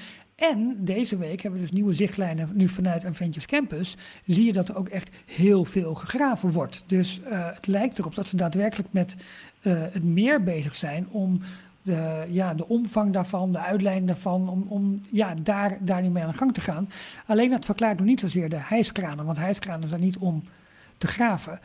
Ehm, ook een beetje rondgevraagd. Ja, ik kom niet heel veel verder dan dat de hijskranen alvast geïnstalleerd zijn. Misschien om nu heel zwaar materiaal ja. te kunnen verplaatsen heen en weer.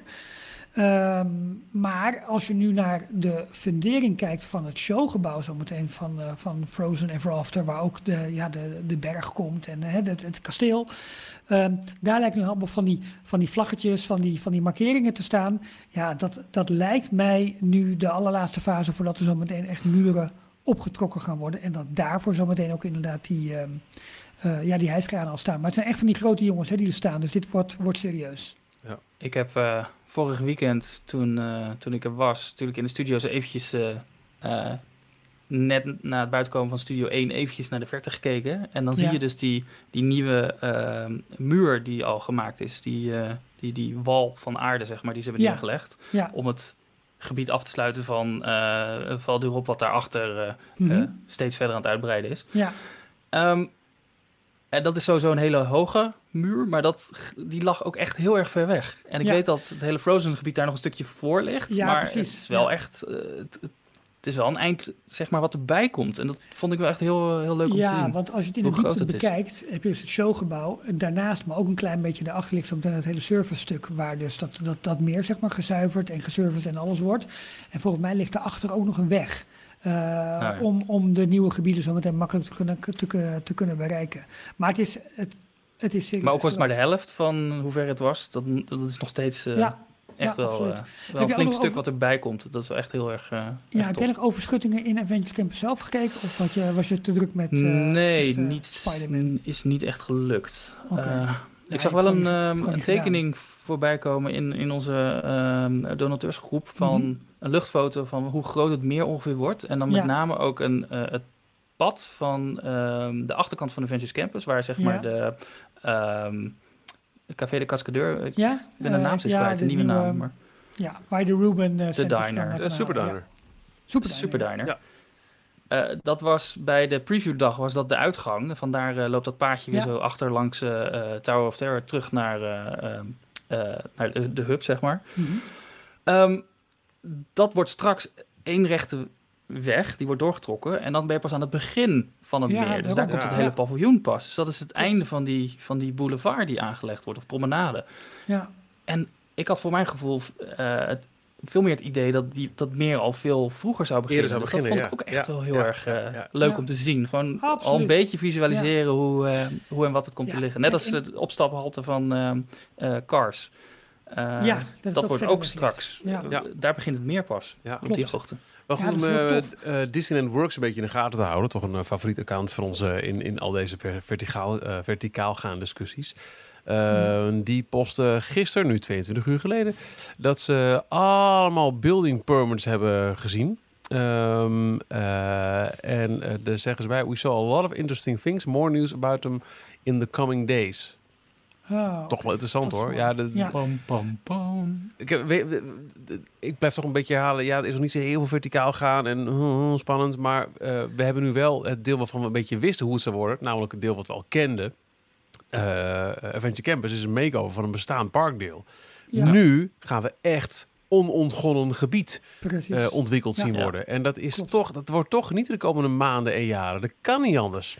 Nee, want- maar weet je wat ook is? Kijk, als je puur kijkt naar wat er voor nodig is om een meer eh nou niet zozeer te vullen, maar te kunnen onderhouden, daar showinstallaties te hebben. Al het, het grondwerk zeg maar, wat daarvoor gedaan moet worden, de funderingen, dingen, Ja. dat is zoveel werk. Je, je, je weet voor mij de verhouding bij een ijsberg, hè, 80% onder de, onder de waterspiegel en 20% erboven. Eh, Misschien kun je zelfs wel de voorbereidingen zijn misschien wat het grootste deel van het werk zou kunnen. Weet je, ik denk zo meteen de afwerking in Disney Channel duurt het nog lang. Ja. Maar dan toch, het kan zo meteen ook gewoon hard gaan. Heel erg benieuwd. Wordt, het wordt toch gewoon... Zin in. Ja, nou ja, dat. Mooie, mooie Absoluut. spannende tijden. Dit is Ehm, waar we eigenlijk al nou, jaren naar uitkijken. Maar vooral toen in eh, 2020 was het 2018. Ja. die, Ja, eh, klopt. Die concept art. eh, Maar ook dat we eigenlijk zeiden van, nou eerst dat, eh eerst dat Avengers Campus eventjes, de, de Ja, overhaul van dat gebied, snel. zagen we meer als Ja. een invuloefening. Ja. Eh, en, en, en dan het echte werk. Ja, goed, en inmiddels hebben we ook de geruchten gehoord dat eh, eh, er wellicht toch ook nog meer makeovers van bestaan met eh, gebied eh, aankomt met, met Worlds of Pixar, wat eh, nog steeds Ja. een beetje onaangekondigd in de lucht, ha- lucht hangt. Ja, is ook wel nodig. Die hele Genie Flying Carpets over Agrabah, die attractie, die, die kan eigenlijk niet meer. Nee. Die past sowieso niet in de Worlds of Pixar verhaal. Nee. Dus die moet wel een Nee, ik had er makeover moet iets mee gebeuren. En, eh, iemand, eh, Of gewoon weg, want dat wordt de wachtrij voor eh, Crush. ik wil hier iemand heel graag in de podcast, namelijk de kat Max, die zat met jou om naar buiten te gaan. Dus ik, Ik leg hoorde even al mijn zoiets. koptelefoon af. Ja, dat dacht ik al. Je zat al te Ja. kijken van, hé, hey, wat hoor ik? Dus ik ga het nu naar buiten laten en dan kom ik terug bij jullie. Dat is goed. Benieuwd wat jullie dan allemaal hebben bedacht. Nou, dan roep ik nog eventjes heel kort iets voor we naar eh, veel nieuws gaan over wat ik ook wel heel tof vond eh, om te zien. Eh, het vuurwerk voor Bastille Day, de Ja. 14 Juillet. Eh, de grote Franse feestdag. Dan is er, net zoals wij hier met Oud en Nieuw en in Amerika de 4th of July hebben altijd vuurwerk. Dus dan hebben de buren niet te klagen dat Disneyland vuurwerk afsteekt, want dat doet iedereen. Ehm, Mhm. Er was eh, op eh, 14 juli eh, na eh, Disney Delight en Illuminations een extra eh 14 Juillet Bastille Day eh, vuurwerkdisplay. En dat Zo. was me nogal wat. Ze halen echt het maximale uit de aanschaf van die drones. Hè? Nou, dat, maar eh, echt. Dat willen ze terugverdienen. Voor mij was het WDW Nieuws of WDW NT, weet niet meer. Die had een verslaggever toevallig de dag in, eh, die dag in de parken. En die zei ook, dit is de beste vuurwerkshow die ik in jaren heb gezien in een Disneypark. Ze hebben letterlijk de Eiffeltoren naast het, eh, het kasteel eh, weten te krijgen. Door, Ja. door de drones eh, rond te laten vliegen. En de, de, de Franse vlag. En ja, het zag er heel, eh, heel tof maar dan uit. zie je toch hoe snel dat blijkbaar te programmeren en te doen. Ja. Ja, kan- Ja. oké, dit, ook dit kun je voorbereiden, maar dan nog is het Ja. wel een setje drones dat je hebt, de- dat je kunt laden met een bepaald programma en kunt laten vliegen. Hoe vet is dat? De permits en alles hebben ze binnen. Ja. Dus dat, Ze hebben denk gisteravond ook ook, weer... als het- Sorry. Ja, nee, ik denk ook dat dat heel warm is. Dat ze bijvoorbeeld een, eh, een rood signaal kunnen doen als kolenrood. Dat is dat niet vergeten. Nou, wat dat handig. Wat goed. Super makkelijk. Ja. Ze hebben gisteravond ook weer geëxperimenteerd eh, met het Avengers logo in drones eh na sluitingstijd van de parken. Oh. Er wordt nu een beetje gegokt dat het wellicht ook die, de, de- gaat gebruikt worden voor de openingsdag. We dachten dat het Ah. alleen maar voor de persopening zou zijn, maar misschien dan toch net wat vaker. En misschien, ja, wellicht dan alleen maar morgen voor de late, late opening van het parkdeel. Maar ja, wie weet wat daar nog in de planning is. Voordat we naar eh, film en Disney Plus nieuws gaan. Gefeliciteerd mannen. Nou, anders jullie wel. Nou, en of. Ja, het was deze week eh, 17 juli.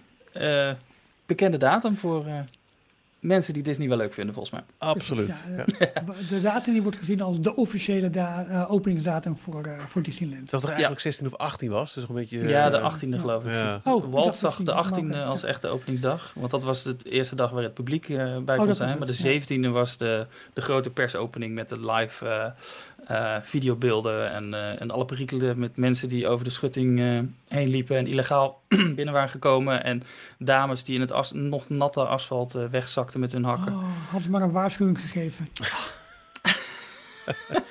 Nee, maar van harte inderdaad. Ik bedoel, eh, de the one that started it all, met, eh, wat, wat Ja. de park betreft. En eh ja, als het aan mij ligt, eh, ben ik eh, binnen het jaar Ja, weer in Anaheim te vinden. Leuk om jullie oude foto's te zien ook. Nou, ja. Nou, ik wil net zeggen, Michiel, dat had je heel goed eh, opgezet. eh, waardoor wij natuurlijk niet achter konden blijven met gênante foto's. Nou valt dat bij Jorn altijd wel mee, want gozer die blijft gewoon 24. Ik weet niet hoe hij het doet, maar eh, in ieder Ongekend, geval. hè? Ongekend. Ja, ik, ik weet niet wat zijn geheim is. Het zal, denk ik toch, als je zo'n beetje influencer bent, eh, krempjes krijgt, dat Krijg soort je dingen. gewoon, je ja. blijft gewoon jong. Ja. Ja, eh, mijn, Dat is mijn maar alle- influencer. eerste keer Anaheim. Ik heb volgens mij ooit een keer dat we ingesproken als een donateur extra. Ehm, maar ik had het allemaal toen, toen opgeschreven als een verslag. Oh nee, was maar Ja. een Orlando verslag was dat. Sorry, weer, een ander verhaal. In 2004 Nee, maar- werkte ik bij, bij Radio Veronica en deed ik samen met, eh, met Adam Curry het ochtendprogramma. En eh, Adam Curry, eh, oud tv-presentator en radiomaker, Ho, ho, Ehm, ho, de uitvinder van de podcast. De Podfather, zeker. Toen, ja, dat is misschien wel zijn grootste claim to fame. En het goed uitspreken van Madonna in plaats van Madonna. Ehm, die mag mensen trouwen in Amerika. Dus die is gewoon officieel gelicenseerd voor. Dus we hadden een actie bedacht met het radioprogramma.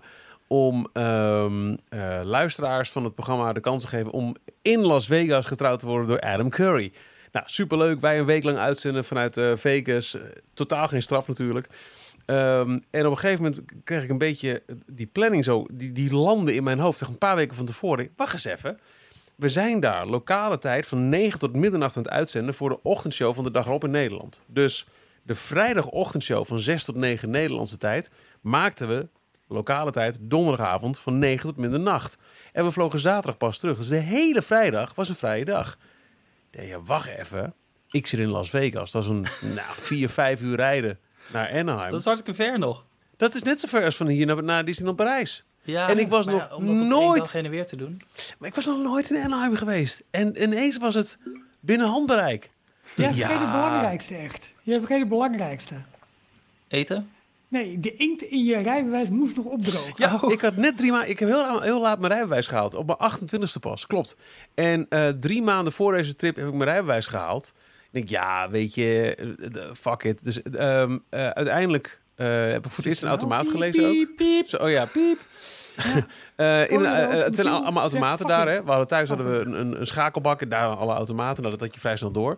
En die moest ik overdag Ja. ophalen in downtown Vegas. Ik weet niet of je dat kent, maar het is gewoon vier, vijf baans verkeer. Dat is echt heel Strip. heftig. Ja. Dus eh, Adam, de podfather, die ging mee toen ik de auto haalde. Had de hele tijd de hand op de handrem, als het fout zou gaan. Maar dat ging allemaal goed. Ja, en vervolgens ben ik ehm, eh, donderdagavond middag klaar met de uitzending. Meteen naar mijn hotelkamer. Ik geloof tot vier uur geslapen. Even snel vier uurtjes slaap pakken. Daarna midden in de nacht Vegas uitrijden. Er was geen hond. En daarna eh, vier en een half uur lang over de I, wat is het, de I-16, I-7, ik weet niet meer, de, de snelweg.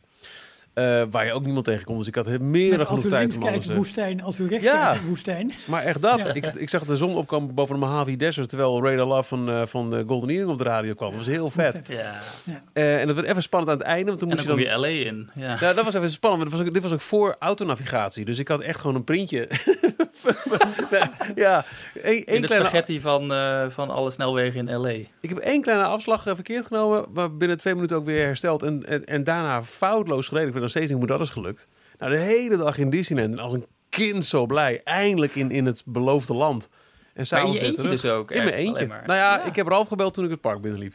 Ralf, Ja, ik zie het nu wel- echt. Ik zie het wel als een hele- kasteel. Als een hele zo groep klein. voelt dat dan. Ja, Ja. echt heel vet. Oh, dat Ja. Maar Die zou, en daar kwam die foto vandaan. Ik heb toen aan iemand gevraagd. Ik had echt nog zo'n zo'n Sony eh, digicam met, eh, met, met, Oh, Nee, het was wel digitaal. Rol waar je van die hele grote paarse langwerpige eh, memory sticks in had. Die Sony voor Ja, de eigen... ja, Ja, ja, Sony had die aparte dingen, ja. die memory sticks kansloos. van Sony. Ja. En daar... En ik weet nog dat je zei, eh radiogek als je bent en was, eh, dat je op de terugweg ook een radiostation, want je ging natuurlijk s'avonds laat terug, dus je kwam ook pas midden in de nacht weer in Las Vegas aan. Maar goed, na een dag, hè, dus radio-uitzending, paar uurtjes slapen, vroeg op eh, rijden, hele dag Disney, zo kapot als ik weet niet wat.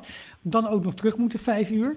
Eh, kijk, Jorn, ik bedoel, dat rope droppen van jou, dat stelt eigenlijk helemaal niks voor. Hè? Dit is gewoon hardcore. Ik bedoel, en eh, dan op Het de is gewoon terugweg ook gevaarlijk een- dit. ja, ook een zeker. radiozender hebben eh, die alleen, maar die voor die snelweg. highway is. Ja, ja, ja. Met, eh met reclame voor alle koffietentjes langs de weg. Nou, ik heb er drie heel hard nodig gehad. Ja, joh. Ik zal het, het, het, het, het verslag staat volgens mij nog op Het is wel archive.org. die American Dream inderdaad. Het was echt te gek. Het was echt waanzinnig. Dus, da- daar komt die Nee, foto vandaan. En, en het ehm, grappige is en jij hoor? dat eh, ja, Jorn en ik waren hetzelfde jaar. Alleen Jorn Ja. was in mei volgens mij en ik was in Juni. In, juni of Oh, wauw. Oh, jij was in juni. Ik, Ik was in juni. Ja. Juli, augustus. En eh Jorn en ik hebben weemoedig als wij zijn eh, nog even de dollarkoersen van destijds opgezocht. Die waren echt leuker. Toen Jorn er was, 1 dollar was 72 eurocent. Toen ik er was, 1 dollar was 4,75 eurocent. Ja, inmiddels is de euro al lager dan de dollar. Dus, eh. Ja. Heftig, Ja. hè? Nee, eh, ehm, voor mij was het eh, 2014, juni 2014. eh dus ook redelijk laat eigenlijk pas. Maar ik ben in 2009 voor het eerst naar Orlando geweest. En eh, eh, toen heeft het nog even geduurd voor ik weer een, een grote reis, maar dan naar de andere kant van Amerika eh, ging maken. En dat was, eh, was 2014. Meteen Ja. eh, Los Angeles, San Francisco en Las Vegas. Maar dan wel eindigen inderdaad bij, eh, bij Disney als, als toetje, als dessert. Eh, een paar dagen meteen, eh, ik geloof vier dagen. eh, hopper tickets, California Adventure erbij.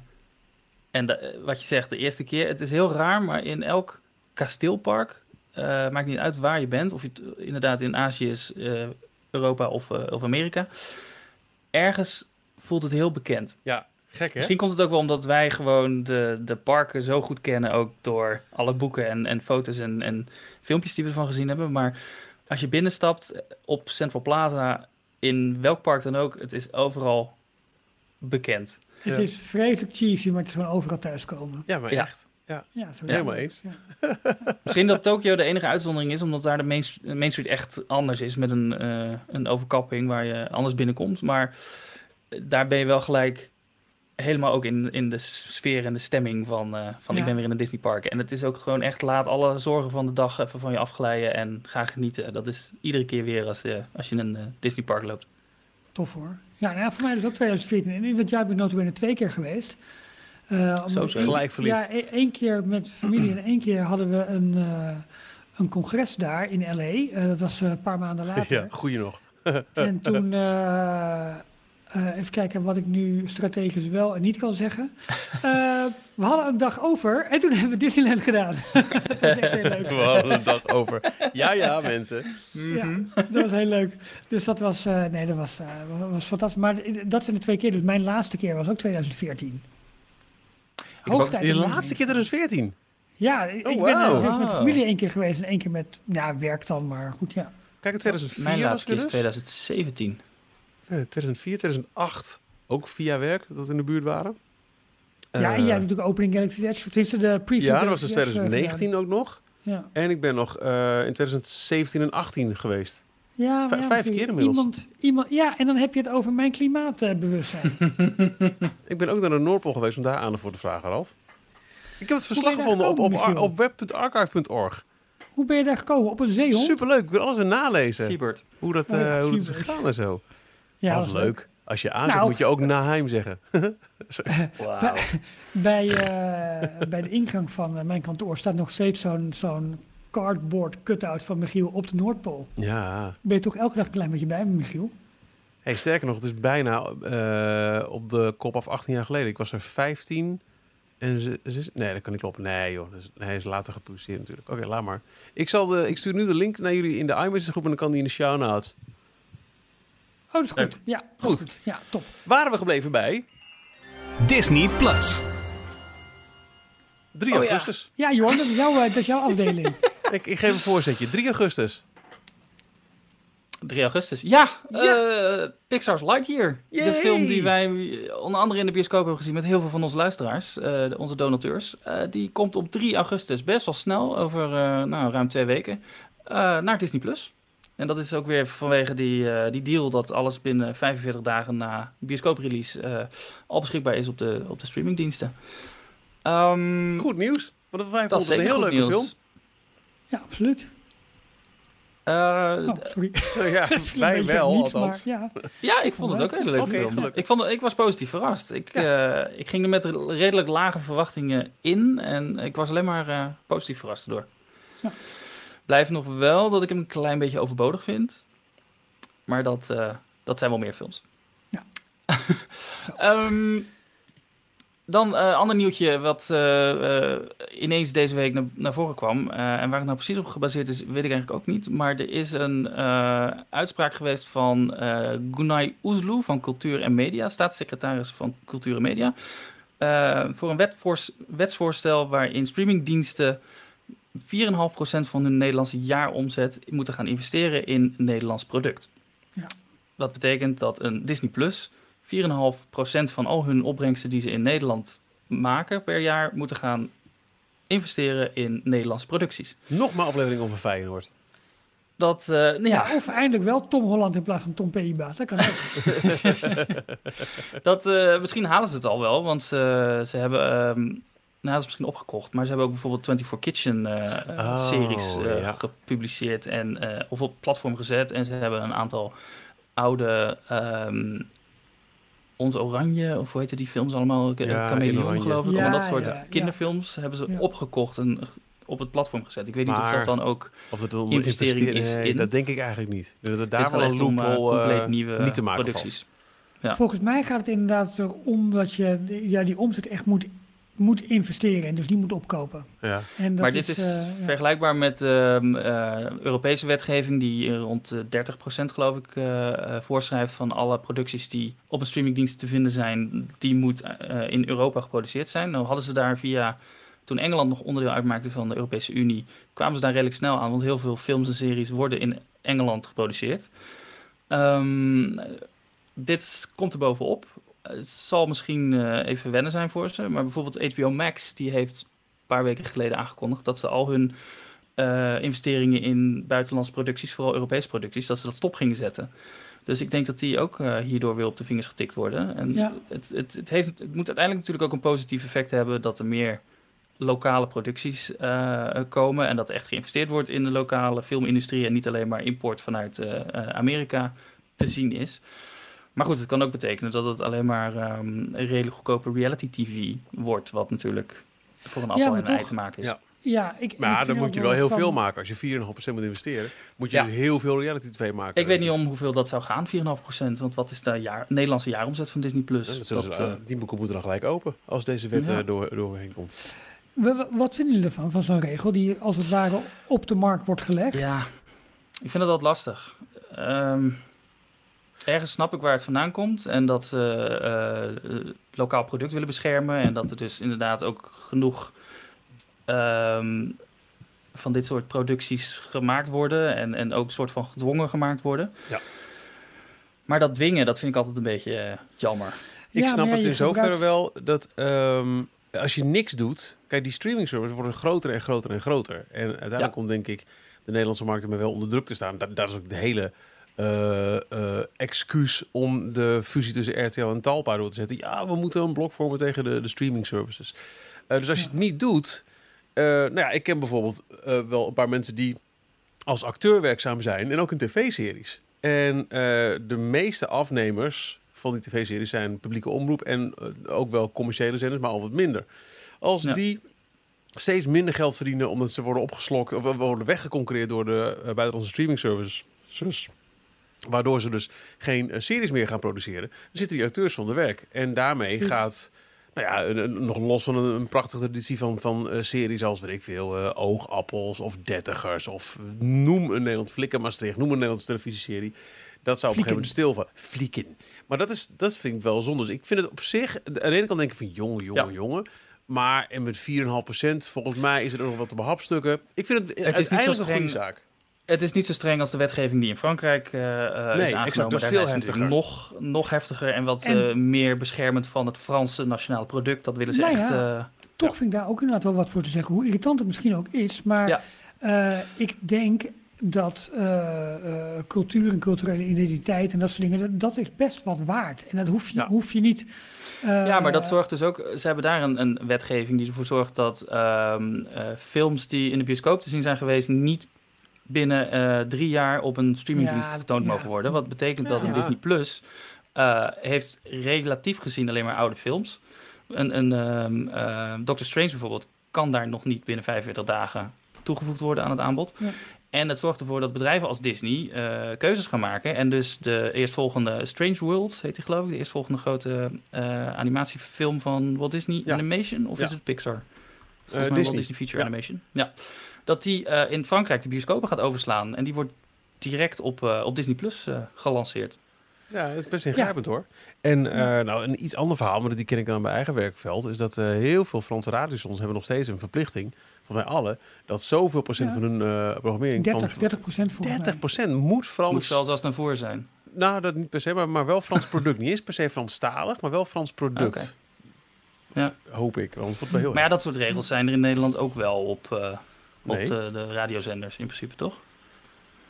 Niet dat ik ja. eh, Er was een soort van, Eh, eh, toen ik nog FM-zenders 3FM en- werkte, was daar een zelf opgelegde eh, eh, regel dat er minstens één keer per uur een klompje in moest, als ze mooi heet. Als er Ja, een playlist was gemaakt en, oh shit, we zijn het klompje vergeten, oeh, terug. En dan, dan moest er dus een Nederlands artiest, maar dat was zelf opgelegd. Dat was het niet... Ah. eh, Ja, maar de verschillende FM-kavels hebben natuurlijk wel voorwaarden van zoveel 80s, zoveel 90s, omdat elk kavel heeft een format als het ware. nou, ja, nee. Ehm, Eh, oh, dat gaan we het over de FM-frequenties hebben. Dat is wel gezellig. ja, dat wordt een podcast op zich, denk ik. De, bij de bij de publieke omroep, die hebben wel taken. En daar zullen, daar zullen ook wel bepaalde dingen in eh, worden weggezet. maar voor de commerciële zenders is het zo dat er een aantal FM-pakketten helemaal vrij zijn. Mag je doen en laten wat je wil. En er zijn een paar geclausuleerd. En daarvan is bijvoorbeeld ehm, het kavel waar Slam nu op zit. En ik doe het even kort door de bocht.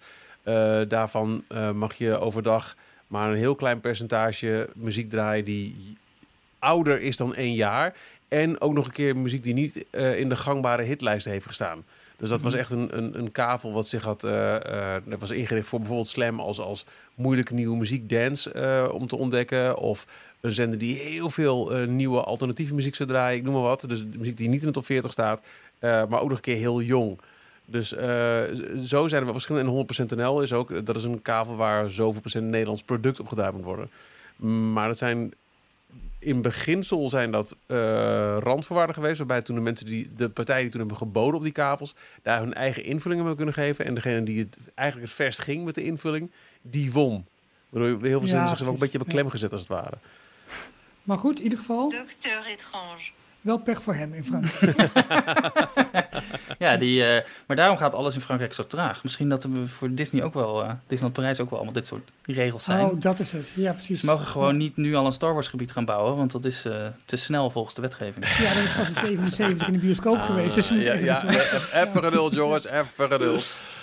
Even snel nog wat andere nieuwtjes, filmnieuwtjes. Nou. Ehm, er zijn heel veel Emmy-nominaties bekendgemaakt. Ik weet niet precies wanneer de Emmys uitgereikt worden, maar in totaal heeft de Walt Disney Company 147 nominaties Jeez. ontvangen. Oh, Eh, ik zag meteen eh, de meme van Oprah. You get an Emmy, you Ja, get an Emmy, echt. you get an Emmy voor me. Hoeveel categorieën zijn er jongen? Doe Ja, normaal. dat vraag ik me dus ook af.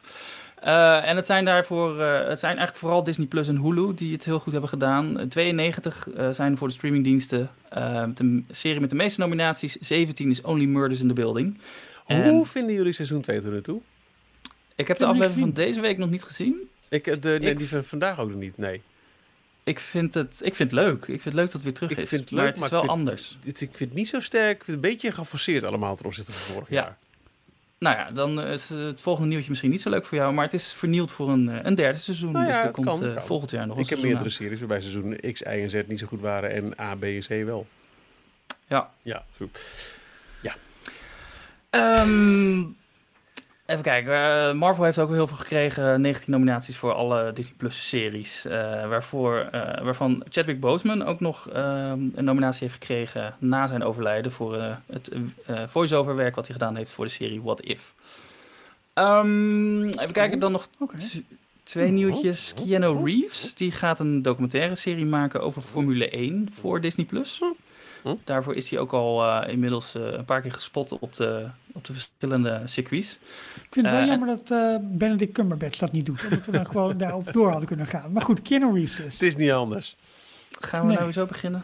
Nee, nee. Ja, Formule 1 is een beetje een hot, eh, hot property. Eh, na Netflix eh, eh, Drive to Survive, die, die serie, die heeft in Amerika vooral eh, de sport heel erg eh eh, bekend gemaakt. En ik probeer de andere streamingdiensten daar ook op in te haken. Want Apple TV Plus komt ook met, eh, met een serie, geloof ik, en een film... waar Brad Pitt onder andere in gaat spelen. En eh, nog een documentaire over eh, Lewis Hamilton. Dus eh, er wordt binnenkort veel verwacht rond eh, Formule 1. Ja. Ehm, is het trouwens sportdocumentaires of sportseries op Disney Plus? Is dat iets waar jullie naar kijken? Want we denk hebben je een zelf? heel klein beetje ESPN, wat ook onderdeel is van de Walt Disney Company, ESPN Nederland. Eh, eh, daarvan worden er een aantal Het documentaire enige wat ik kijk op dat gebied is maar- eh, leer honkballen met Goofy. Die, die jaren 40 eh, animatie. Nee, ik heb, eh, ik zeg nee. Ik heb, nou, ik heb, ik heb wel wat dingen van eh, de Feyenoord documentaire gezien. Ja. Dat. Ja, ik vond dat heel irritant, want mijn standaard staat mijn instelling op Engels. Dus die begon Oh, ja. ook op Engels ingesproken. Dus dik advocaat eh, opnieuw nagezien. Dick Lawyer. Oh. Dick ook. Maar, ehm, laatste nieuwtje. ehm, er komt in september een speciale extra lange versie van eh, Spider-Man No Way Home uit. Sony probeert er nog één keer eh, op te cashen. Ehm, daar zitten een aantal eh, deleted scenes zitten erin. En nu heeft het officiële Twitter-account van Sony Pictures een, een lijstje bekendgemaakt met de release data. En België staat op de lijst voor 7 september. de more fun stuff version van Spider-Man No Way Home. Maar Nederland is niet uh, in het lijstje te vinden. Dus het lijkt erop dat, uh, dat men in Nederland besloten heeft om de film niet terug te brengen. Wat ik heel gek vind, aangezien hmm. wij relatief heel lang niet de film hebben kunnen zien vanwege ja. onze langere bioscoop-lockdown. Terwijl in België, alleen als cultuur, was het wel open. Ja. Heel veel ja, dus je met deze film in Nederland. Zeg ze? Je nou fit op onze Belgische luisteraar? Nee, nee, helemaal niet juist. Nee. Oh, uh, uh, ik weet dat heel veel, uh, we hadden heel veel cultuurvluchtelingen, mensen die vanuit Nederland naar, naar de Belgische wow. bioscoop gingen, omdat je daar wel ja. Ja, ja. naar, naar, de bioscoop kon en dus naar die highly anticipated Spider-Man film. Ja, ja, absoluut. Hmm. Dat was het. Zomer. Dat was het, hè? Ja, ik, nou, ik heb nog wel één, één, één dingetje. Want wij doen natuurlijk, uh, zoals jij ook denk in de intro hebt uh, verteld, hebben we elke dag de Daily Disney Roundup. Dit keer net vergeten, uh, zodat jij nu alle shine kan pakken. Oh, dat vind ik uh, heel sympathiek van je. Maar vanaf volgende week, dus de week van 25 juli, wordt dit een weekly uh, Disney Roundup. Uh, ook in de zomerperiode gaat hij dus wel door, maar één keer in de week. Dat wordt uh, de vrijdagmiddag, waarop we jou het nieuws van de afgelopen week vertellen. En misschien wel van de volgende week voorspellen. en dan denk ik dat wij eind augustus, we moeten even kijken, even alle agenda's weer eventjes bij elkaar leggen. Maar dat kondigen we aan via Ja, onze... mid of eind denk ik. Ja, precies. Zoiets. Zoiets uh, we gaan even een paar weekjes uh, tussenuit. Ja. Uh, en daarna komen we terug met uh, nieuwe afleveringen, daily Disney Roundups en meer wat. En mooie leuke verrassingen. Ja, heb je een leuke verrassing nu al? Ik ga het niet zeggen. Nee, ik zeg dat we met mooie leuke verrassingen komen. Oh, oh. oké. Okay. Ja. ja. Zeker. Oh, ik ben heel benieuwd, Michiel. Ja, ja, ja, ja. God, ja, ja. ben ik benieuwd. Nou, daarvoor moet je dus blijven luisteren. Dus uh, abonneer je een op... zomer cliffhanger dit. Nou, hier, hier, daar ga je. Dokter, dokter, hoe heet hij ook weer? Hangt met zijn handen aan een cliff, toch? Was het? Uh... Dokter Estrange. dokter Estrange, Ludo. ja. ja. Oh, hey, heel fijne zomervakantie. Tot over een paar weken. Tot over een paar Yes. weken. Tot over een paar weken.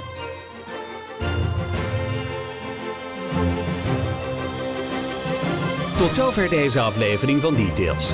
Check d-log.nl voor meer afleveringen. Vergeet je niet te abonneren en tot de volgende keer.